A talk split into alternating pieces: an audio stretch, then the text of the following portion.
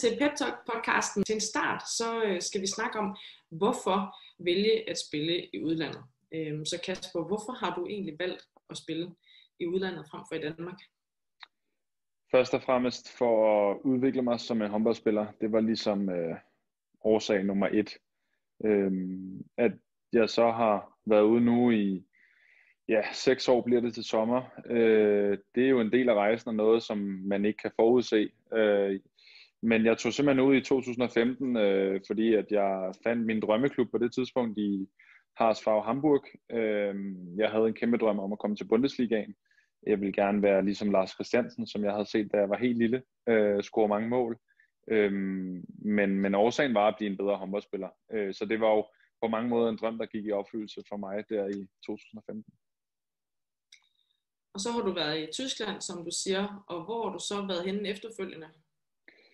Ja, altså jeg ender som at være i Hamburg i et halvt år, øh, da de desværre går konkurs, da ja, der var nogle pengeproblemer med, med ledelsen og præsidenten og så videre. Øh, jeg ender så med at ryge til Hannover, som jeg tror, da jeg spillede Danmark nok ikke ville have sagt ja til, men jeg ville rigtig gerne blive i Bundesligaen, øh, og Hannover øh, var et sted, som jeg var lidt usikker på, hvad jeg indebar, og øh, de havde Morten Olsen, min landsholdskammerat og gode ven, øh, så jeg vidste, at jeg kendte i det mindste én spiller, øh, og tog det egentlig, øh, ja, som det nu engang kom. Øh, det endte så bare med at være to og et halvt fantastisk år, hvor øh, min drøm også gik i opfyldelse om at blive topscorer i verdens hårdeste liga, øh, og blive solgt til Barcelona. Og det tror jeg slet ikke, at jeg i min vildeste fantasi havde drømt om, øh, da jeg skulle øh, skifte fra Hamburg, øh, var nødsaget til at skulle skifte og ikke have nogen klub i hånden. Så, øh, så det var jeg sindssygt glad for. Øh, sindssygt glad for min tid i Hannover, og nu er jeg så i Barcelona på mit tredje år. Så lidt held i uheld faktisk, at du kom videre fra, fra Hamburg. Ja, det må man sige. Det må man sige. Det var ikke, det var ikke en del af planen i og med, at jeg også øh, underskrev på en kontraktforlængelse i 2017, en treårig, som løb ind til 2020. Så jeg havde egentlig set mig selv været i Hannover i minimum fire år. Øhm, men så mens jeg sad på et hotelværelse i Frankrig øh, med landsholdet, inden jeg slutrunden, så kom der et, en opringning fra, fra Barcelona, og så satte det bare gang i nogle sommerfugle i maven, og øh, det endte så bare med at være en sindssygt lang kontraktforhandling mellem klubberne internt. Fordi det er klart, at Hannover ville ikke slippe mig bare gratis, når de lige havde forlænget med mig. Øh, og jeg, ja, ja, jeg desværre måske også spillet godt på det tidspunkt. Havde jeg spillet dårligt, tror jeg gerne bare, de ville af med mig, måske, hvis det var en spiller, man ikke gad have. Men, øhm, men det blev en lang øh, proces, hvor min tålmodighed endnu en gang blev sat på prøve, og det, øh, det endte jo heldigvis øh, lykkeligt for begge partner, øh, og, og øh, hvad skal man sige, ja, øh, endnu en drøm gik i opfyldelse for mig. Men, men når du nu gik så godt i Hannover, hvorfor så skifte til Barcelona?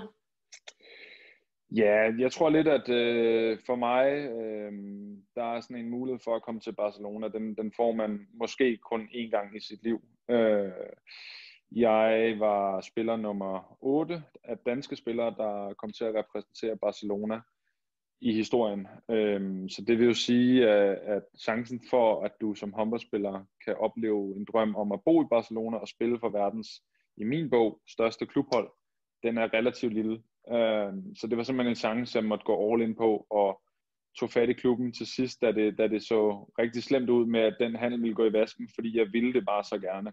Øhm, så det, øh, det var, hvad skal man sige, jeg var rigtig glad for at være i Hannover, men jeg tror også, den dag jeg så stoppede karrieren, ville ære mig rigtig meget over, at jeg ikke havde presset på for at komme til Barcelona. Ja, du startede med at sige, at du, du er taget til udlandet øh, helt fra dag et øh, for at blive en bedre håndboldspiller. Mm. Var det så det samme grundlag, der var for at skifte fra Hannover til Barcelona, eller har der spillet noget ind, som... Var det, var det federe at være i Barcelona, end det var i Hannover? Altså, vil, det, vil, du have et, øh, vil man se på dig som en bedre håndboldspiller, hvis du var i Barcelona end i Hannover? Øh, ja, det tror jeg måske de fleste måske vil, øh, fordi at folk vil sige, at jeg bliver matchet på et højere plan, men jeg tror, det, det er forskelligt, hvem du spørger, fordi i Hannover var jeg for eksempel topscorer og lavede 10 mål hver kamp, det gør jeg ikke her i Barcelona. Øh, der, er, der er så mange andre spillere, der laver mange mål også. Øh, og jeg spiller heller ikke 60 minutter fuld tid hver kamp. Det gjorde jeg i Hannover hver kamp. Så øh, jeg tror, øh, ja, det, det er forskelligt, hvad folk vil mene. Øh, Bundesligaen er meget bedre end den spanske liga, men jeg tror, at det vigtigste for mig, det er, at jeg har det godt, hvor jeg er, og at jeg føler, at jeg udvikler mig og ligger et lag på den stige, der hedder blive så dygtig en håndboldspiller, som, som jeg nu engang kan blive, øh, med det talent, jeg har fået med i bagagen. Så øh, det var jo den årsag til, at jeg tog ud, fordi at jeg ville blive en bedre spiller, og det kunne jeg jo mærke allerede på det halve år i Hamburg. Øh, vi havde en landsholdssamling, hvor at vi spillede i, op i Norge i en træningsturnering, og lige pludselig så, så, så scorede jeg bare lige pludselig på alle mine chancer, så havde det lige pludselig otte mål på otte skud øh, på tre kampe i træk, frem for seks skud, eller seks mål på et forsøg. Så, og jeg kunne bare mærke, at jeg var blevet stærkere fysisk, jeg var blevet hurtigere. Øh, det kunne jeg se på de test, vi lavede, fysiske test, som jeg har lavet hele mit liv. Så jeg lagde bare et lag oven på, på alle de niveauer. Øh, og så er jeg jo så også blevet ældre med tiden. Altså nu er jeg jo 31 og har fået mere erfaring. Øh, så jeg tror, det handler meget om, hvad, hvad søger man selv, og jeg er meget agerig. Jeg sætter overlæggeren relativt højt for, hvad jeg gerne vil opnå. Så der er jeg også bevidst om, hvad der skal til for at nå til det øh, mål. Ja, altså man kan sige, du havde jo stor succes i Hannover. Var den, kunne, du have, kunne du have bygget oven på den succes, hvis du var blevet der? Eller har det ligesom også været et, et naturligt valg, at hvis du, hvis du skulle mere, så skulle du også væk, altså søge sig noget større, selvom det faktisk gik der rigtig godt i Tyskland? Jeg tror, det, det var begrænset, hvad, hvad mere jeg kunne få ud af Hannover på det tidspunkt. Jeg havde været der to og et halvt år. Vi, øh, vi havde lavet øh, klubrekord øh, efter den sæson, jeg smutter for flest antal point i klubbens historie, hvilket var kæmpestort. Øh, vi sluttede som nummer 5 eller 6 i Bundesligaen. Vi har slet ikke lige så stort et budget som de fem andre, der er endt øh, ovenover os. Vi slog Kiel tre gange ud af tre, øh, med et eller to mål. Øh, så det var, det, var for, det var for vild en sæson for klubben, men, men især også for mig personligt. Øh, og der vidste jeg også godt med den forlængelse, der var muligvis kun én klub i verden, der kunne give mig et opkald, som vil ændre min holdning til tingene, og den klub repræsenterer jeg i dag. Øh, så ja, resten er jo egentlig bare historie. ja. Jamen, det er i hvert fald, øh, altså det er jo, det er jo super fedt, at du faktisk er gået fra at være, være superstjerne et sted, og så alligevel har søgt videre. Jeg tror da også, der var mange, der ville tænke, jamen altså, hvis man har succes et sted, hvorfor så rykke videre? Øhm, mm. Men det tænker jeg, at vi også skal snakke lidt videre. Øhm, hvad har der ellers været af fordele?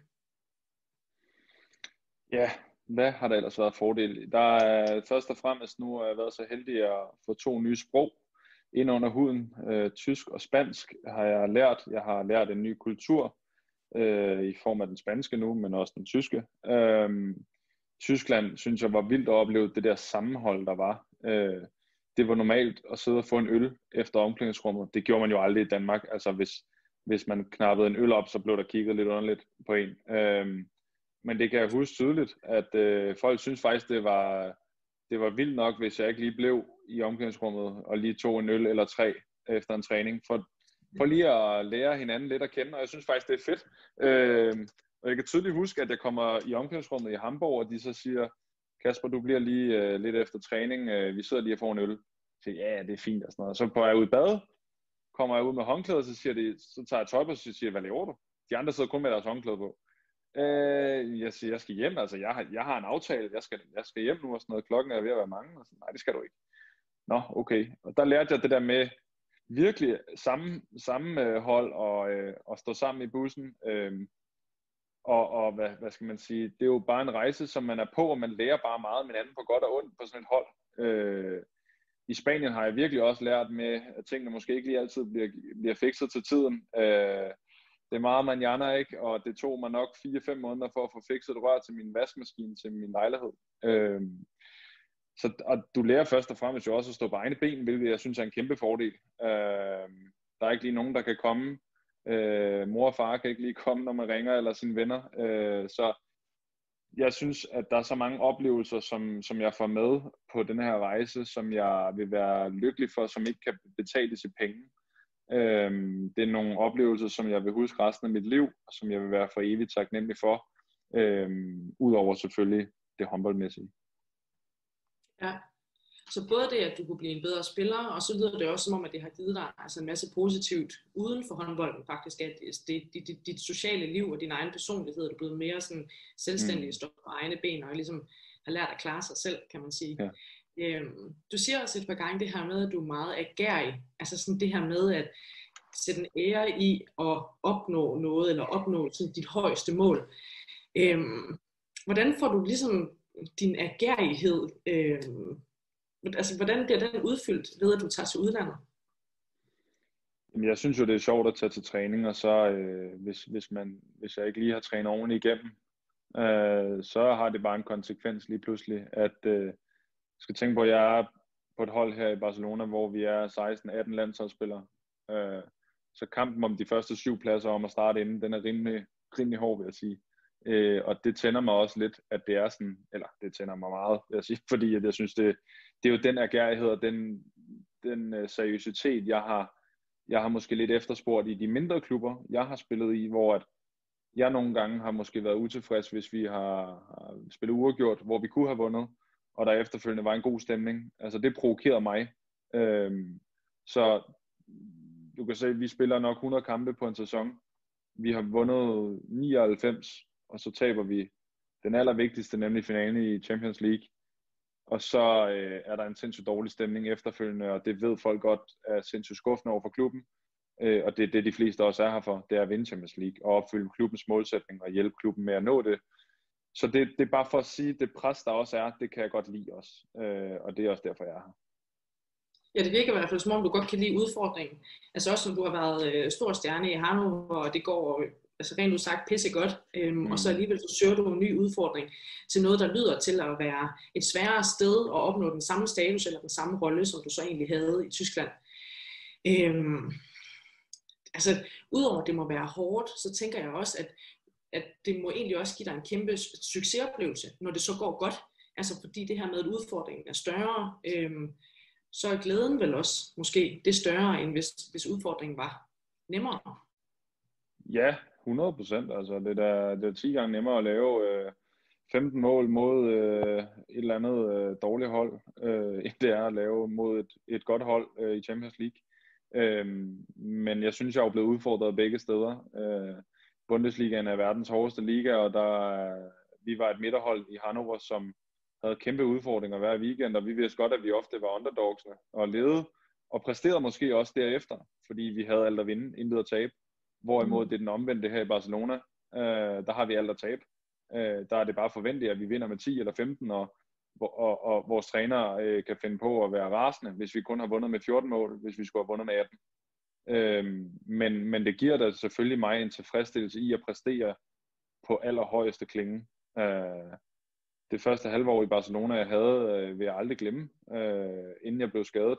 Øh, så på den måde er det da selvfølgelig øh, et, hvad skal man sige, skulderklap til sig selv, men og en bekræftelse i, at selvfølgelig kan man godt, kan jeg godt præstere øh, på, det, på det højeste niveau. Øh, men en ting er at tro på, at man kan gøre det, noget andet er at reelt at gøre det. Så det er det tilfreds med, men jeg tror også, man skal også huske på, at, at vi to er i en holdsport, og vi, det er en kliché at sige, at man kan ikke noget uden sine holdkammerater, men for mig, der passer det bare virkelig meget, altså fordi jeg er fløj, jeg er afhængig af, at jeg får nogle bolde i hjørnet, som jeg kan gå på, eller at vores målmand spiller mig i kontraen, eller mine medspillere. Så, øh, så på den måde øh, kunne jeg jo heller ikke gøre det uden min, min, min vilde hold, holdkammerater her i Barca. Så. Nej. Altså man kan sige, du har jo i hvert fald en, øh, eller du bliver holdt til ilden, øh, også i, i forhold til din træning, tænker jeg, fordi du hele tiden har en, nogle, nogle dygtige, altså verdensklasse øh, holdspillere eller øh, medspillere omkring dig, som du ligesom skal leve op til. Ja. Så det der med, hvis du slækker en dag, altså, så er der også en konsekvens, altså så man bliver holdt til ilden i sin, i sin ja. personlige træning, i sin individuelle træning, men også altså, i det her med faktisk at være fokuseret, og ikke bare øh, komme til træning og træne, fordi det skal man. Øh, ja. Jeg forestiller mig, at det giver sådan lidt en større purpose, end, end hvis man kan sige, udfordringen er for nem. Mm. Er der andre fordele ved at spille i udlandet? Nu har vi været omkring det her med, at blive bedre spillere, og der er, øh, du lærer nogle andre kulturer, du lærer at stå på mm. egne ben, du bliver holdt til ilden til træning, øhm, og måske får en større succesoplevelse, når der så også er noget, der lykkes. Er der andre ting? Ja, ja og så måske bare det der med, at jeg er glad for, at jeg har taget de valg, om at komme ud og opleve noget. Altså, så kan det godt være, at jeg lever nomadelivet, at jeg er to-tre år i en klub, så videre. Øh, og det kan jo også være en udfordring. Det kan vi jo snakke om næste øh, af de 10 hurtige minutter, men jeg er da glad for, at jeg har taget de valg. Øh, for det var da noget, min far også sagde til mig, dengang han var så håndboldtræner og boede i Norge, øh, at de oplevelser, man får, når man er uden for Danmark og prøver sig selv af, det er nogle oplevelser, man aldrig vil glemme, på godt og ondt. Øh, så det er jeg da glad for, øh, og det passer også det, han øh, sagde dengang. Øh, det kan jeg godt ikke genkende til. Ja. Der er også noget, jeg har tænkt lidt over, for jeg tror, jeg ser dig som en person med et forholdsvis stort ego. Og ikke, mm. det er ikke sagt på nogen sådan ond måde, men sagt på en måde, som at det faktisk også driver dig til at opnå enormt meget. Mm. Men har det også boostet dit ego lidt øhm, at komme til udlandet, øh, frem for bare at blive hjemme i Danmark? Ja, selvfølgelig har det da klart boostet ens ego, at du kan skrive øh, Barcelona på dit CV, men, øh, og Hamburg og Hannover, men jeg, jeg tror bare for mig, så, øh, så, så er det øh, også vigtigt at være ydmyg undervejs. Øh, for ja, jeg tror da ikke, at du kommer øh, hvad skal man sige, til tops, uden du har et ego. Det ved du også selv, Ida, at du skal kunne turde skyde en del skud. Øh, men jeg har det bare godt under det pres, øh, der hedder at tage den afgørende øh, øh straffekast eller beslutning i de sidste øh, 5 minutter eller de sidste 30 sekunder. Øhm, så ja, det har da boostet det, men jeg tror mere, at det er sådan en, hvad skal man sige, øh, det, det, det mætter min, min, min agerighed og mine ambitioner, øh, og jeg vil blive frustreret, hvis jeg ikke havde taget ud, hvis man kan sige det sådan. Ja, du kunne stå med den her oplevelse af et sådan uforløst potentiale. Ja, der stod som 40-årig og stoppede kan jeg tænkte, ah, jeg skulle da nok have, have taget ud dengang, der kom den mulighed i stedet for, så blev jeg bare i Danmark hele livet. Øh, dermed sagt, at det kan jo godt være fint for nogen og super fedt, men for mig havde jeg bare behov for at prøve mig selv af på den måde. Ja. Jamen, det er super inspirerende. Altså jeg må også indrømme, før jeg sådan har lært dig at kende igennem det her, så tror jeg slet ikke, jeg vidste, at jeg faktisk havde opnået alle de her ting. Øh, jeg synes, det, det er super sejt. Mm. Også det faktisk, det kræver rigtig meget at stå i udlandet alene, så jeg synes, det er super inspirerende, at du har fået så meget ud af det. Kasper, hvad er ulemperne ved at spille i udlandet? Ja, Ida, hvad er ulemperne? Der er der øh, måske en, lidt at tage fat i. Øh, først og fremmest så, øh, så tror jeg aldrig, at det i hvert fald for mit vedkommende, har jeg ikke haft nogen fast base i fem år. Jeg har levet lidt nomadelivet ved at spille i tre forskellige klubber, boet i tre forskellige byer øh, på, på fem år.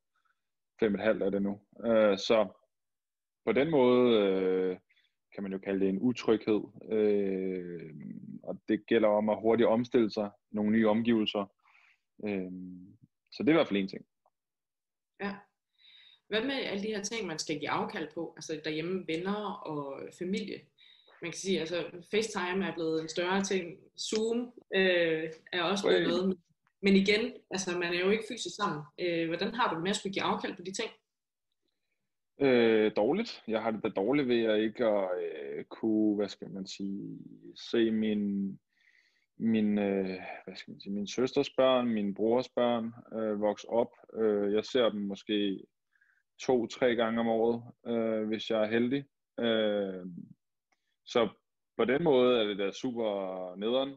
Øh, omvendt øh, giver de mig jo også kæmpe støtte hjemmefra, at øh, det er selvfølgelig helt okay. Og jeg ved jo også godt, at øh, når jeg tager hjem, så er de der jo stadigvæk.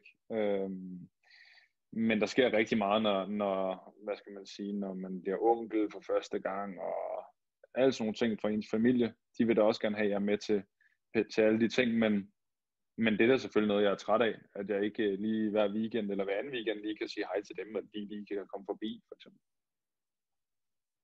Men så igen, så har du så mange fordele, der ligesom der vejer op for det her, går jeg ud fra. Ja, ja, ellers havde jeg jo ikke gjort det. Øh, og jeg ved jo også godt, det, det er en, en vis periode, det gælder. Øh, da jeg tog ud, vidste jeg jo ikke, om det ville være tre år eller ti år. Nu har jeg været ude i, i fem et halvt. Øh, og lad os se, hvornår øh, den udenlandske øh, rejse og kapitel slutter. Men, ja. øh, men indtil da, så, så nyder jeg det fuldt ud. Øh, men der er der mange ting, man oplever på sådan en tur, både på godt og ondt. Jeg tror også i hvert fald, at jeg ser det lidt som sådan de åbenlyse ulemper. Det er det her med, at man ikke har en fast ja. base, og man skal ikke afkald på nogle ting derhjemme. Ja.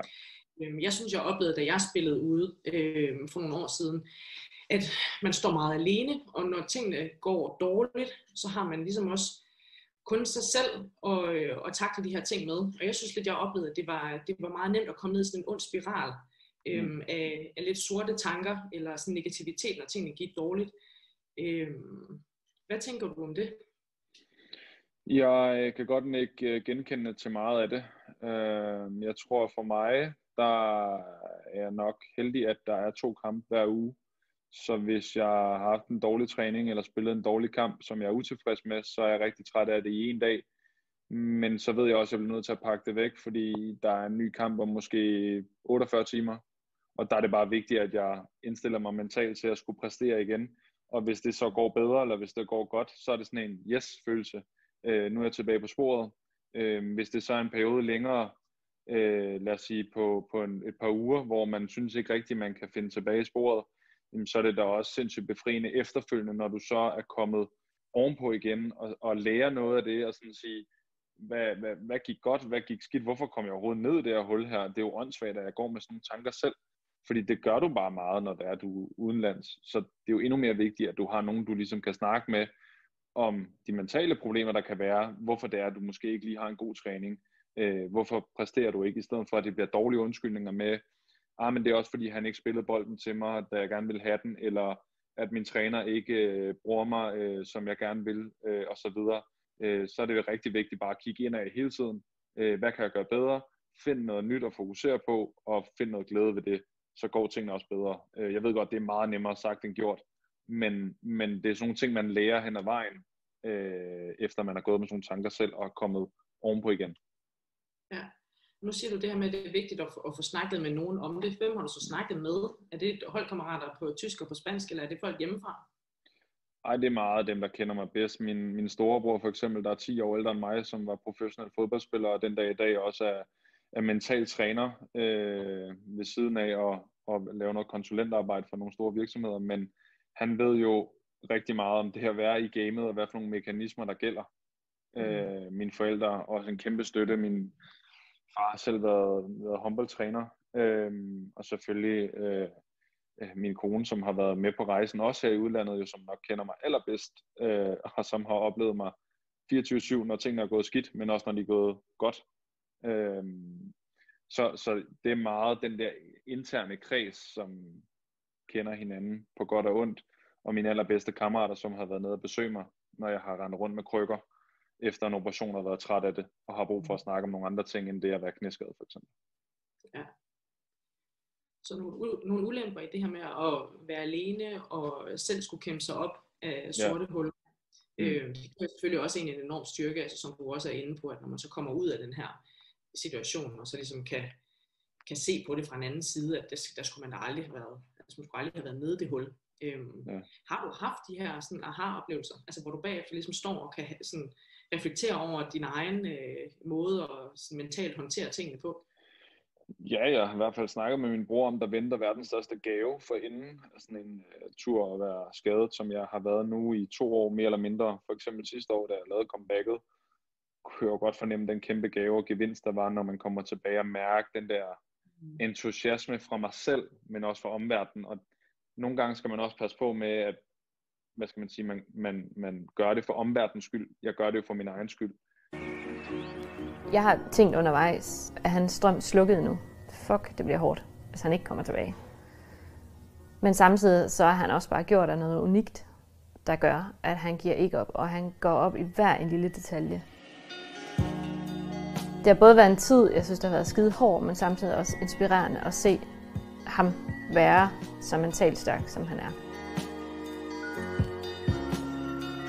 Jeg gør det jo for, at jeg elsker at spille håndbold, ellers så lå jeg ikke og brugt tre timer i et styrkelokale hver eneste fucking dag. Nu banner jeg på vores eget program, det må jeg gerne.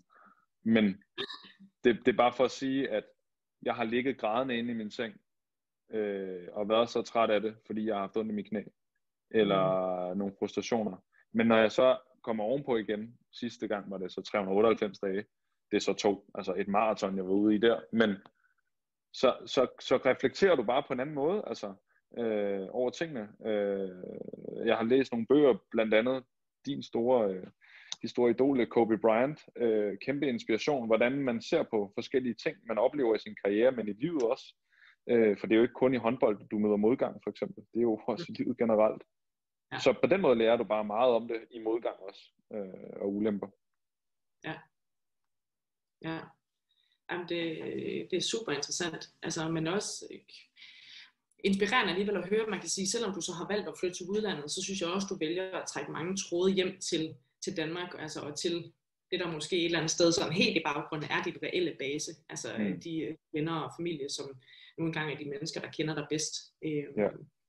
Men jeg tror da, at det er, det er vigtigt at tænke på, at hvis man går med den her drøm om at spille udenlands, at det kan være pissehårdt. Altså man er, man er meget alene, og der er rigtig mange, som er ude efter en. Der er rigtig mange, som ikke har så meget mod at stikke ind i ryggen, fordi man måske mm. spiller en position, de gerne vil have minutter på, øhm, eller, ja.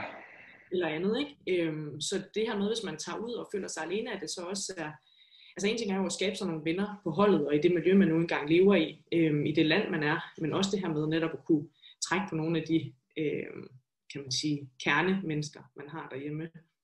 Ja, helt klart. Det er vigtigt at have den base, men som du også siger, at når du er på et højt konkurrencemæssigt niveau, så, så er det i hvert fald med spidse albuer fra, fra alle.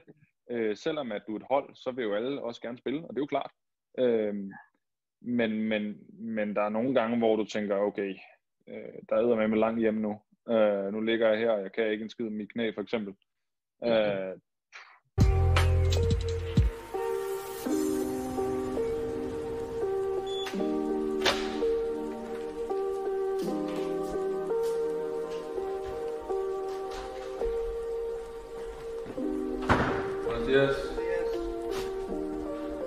jeg kan faktisk godt lide at være sådan lidt alene i det her. Det der med, at alle kommer over og spørger, hvordan går det? Ofte så siger jeg faktisk bare, at det går fint. Også selvom nogle dage det ikke går fint. Øh, og det er sådan en forsvarsmekanisme, passer lidt på, på mig selv. Jeg savner det der med, at man er en del af et hold og har, laver fis med hinanden og alt sådan noget der. Hold nu kæft, mand. Jeg kan godt forstå dem der, som har været ude i flere år. På, der, på et tidspunkt, så magter man det bare ikke mere. Det kan jeg 100% godt forstå. Det kan jeg sgu godt. Der er lang øh, udsigter til at ramme et håndboldgulv igen. Jeg gad sgu godt være hjemme i Danmark lige nu, men igen, det nytter ikke noget at ligge og tude over det. Det kan du godt gøre i at være træt af det. Det skal du helst være også. Ellers vil det være underligt, men du finder også en eller anden indre ild og en, en eller anden gejst i dig selv, der hedder, jeg skyder med, at nok vise mig, at jeg kommer tilbage. Uh, bare lade omverdenen og håndboldverdenen glemme mig i, et halvt år, et år, jeg er ligeglad, fordi så mm. viser jeg dem bare, når jeg kommer tilbage, så er jeg på samme niveau som før. Uh, ja. Og så har du fået så meget mere med bagagen, og du er så stærkere mentalt, at så føler du, den, okay, så kan de jo bare komme. Altså om der er nogen, der giver dig en dårlig karakter, uh, fuck ja. det det, altså. Det er da totalt ja. ligegyldigt jeg tror i hvert fald, at der er meget af det her med, at man skal have sin, sin integritet og sin egen styrke, altså man skal være meget selvstændig i det her, altså udenlands øh, pro-life. Øh, har du nogensinde haft den oplevelse, at selvom du for eksempel har været på et hold, og det er dine holdkammerater og medspillere, øh, at der så måske, har du haft følelsen af, at der er nogen, der ikke vil dig det bedste? Altså det er jo nemt at tænke sig til, hvis alle ligesom er ude med albuerne, øh, ja, så kan det være svært rigtigt, og måske faktisk tro på det, folk siger, at, at det er jo ikke altid, at folk faktisk måske i hvert fald vil en det bedste. Ja, men altså, i min karriere tror jeg da, at øh, jeg har været vant til det der. Altså jeg har da været vant til, at det oplevede jeg allerede, da jeg var 16 år eller 15 år og begyndte at spille med nogen, der var ældre end mig. Øh, og så du overhætter du lige pludselig nogen og, og får noget spiltid, og det, jeg ville da også selv være træt af, hvis der kom en 17-årig nu og slog mig af pitten. Så jeg kan da godt forstå det, at man bliver træt af det. Øh, det, der så måske kan være hårdt, tror jeg, det er, hvis du oplever noget i kulissen, og du hører noget fra nogle andre, der siger, hey, bare lige så du ved, at ham der, han går altså og snakker dårligt om dig. Øh, sådan nogle ting kan være hårdt, men jeg tror bare, det, det er en del af gamet, og det er bare elitesport på godt og ondt. Øh, og der, det handler bare om, at du lægger alt det der pis til side, og at når du træder ind på den bane der, så, så skal du bare præstere, øh, og så der ikke er nogen, der kan sige noget efterfølgende. Og det, det er hårdt, øh, tro mig, det ved jeg alt om, men det er bare om at prøve at gøre det så godt som muligt, og så øh, igen, så ligger der en kæmpe gave for inden, øh, når du engang er færdig med det der. Så, så lærer du så meget mere du, øh, om dig selv, men også hvordan tingene fungerer, både politisk og sportsligt, alle de der ting, som du kan tage med, øh, med dig videre i erhvervslivet efterfølgende. Så ja. Jeg tror i hvert fald også, altså netop det her med erhvervslivet, at jeg synes tit, man oplever, at der er faktisk rigtig mange øh, hvad siger man, som, rigtig, som gerne vil ansætte eliteatleter, øh, fordi de kan noget, som dem, der ikke har dyrket sport på eliteplan, øh, altså som, som de ikke kan. Øh, og jeg tror, at der er rigtig meget af det her med det mentale, af det her med, at man, at man faktisk er imod et pres, og man ikke altid kan forvente, at folk de vil en det bedste mm. og så skal man alligevel præstere. Og, ja, og netop det her med, at du siger, at der er jo ligesom den her gave for enden af, eller guldet for enden af regnbuen. Og det er jo ikke altid, at det er guldmedaljen eller pokalen, men så på den lange bane er det jo også helt sikkert den her selvstændighed og den her sikkerhed mm. på, på mm. egne evner, som man tager med sig. Øhm, så man kan sige, der er et, altså jeg synes, at vi har været godt igennem mange ting. Altså det her med, hvorfor spille i udlandet, at, at det kan gøre en til en bedre spiller. Vi har snakket om fordelene, og nu har vi været forbi nogle af ulemperne. Men i sidste ende, altså hvis man, hvis man formår ligesom at holde fast i sin egen kerne og, og stå fast på sine værdier og sine mål, og ligesom du også siger det her med sin agerighed, så tror jeg, at man kan få sindssygt meget ud af at spille udenlands, altså både sportsligt, men altså i høj grad også øh, personligt og øh, i sin udvikling som person. Helt klart, det var da interessant at, at snakke om det at være i udlandet. Det er jo altid meget øh, ja. spændende, især når man står i det, som jeg gør. Ja, det er klart. Jeg synes i hvert fald, at vi er kommet godt omkring det. Øhm, og nu må I jo også meget gerne derude, hvis I har nogle flere spørgsmål til det med at spille i udlandet. I er meget velkommen til at sende dem til os gennem øh, Pep Talk podcastens øh, egen profil, mm. eller skrive til, øh, til øh, Kasper eller jeg personligt, hvis I har noget, I gerne vil vide mere om i forhold til det at spille i udlandet. Øhm, og så kan det være, at vi tager det op igen en anden dag, eller så øh, skal vi i hvert fald nok svare jer. Tak for snakken. Jeps, det gør vi. Ses, tak for snakken. Hej.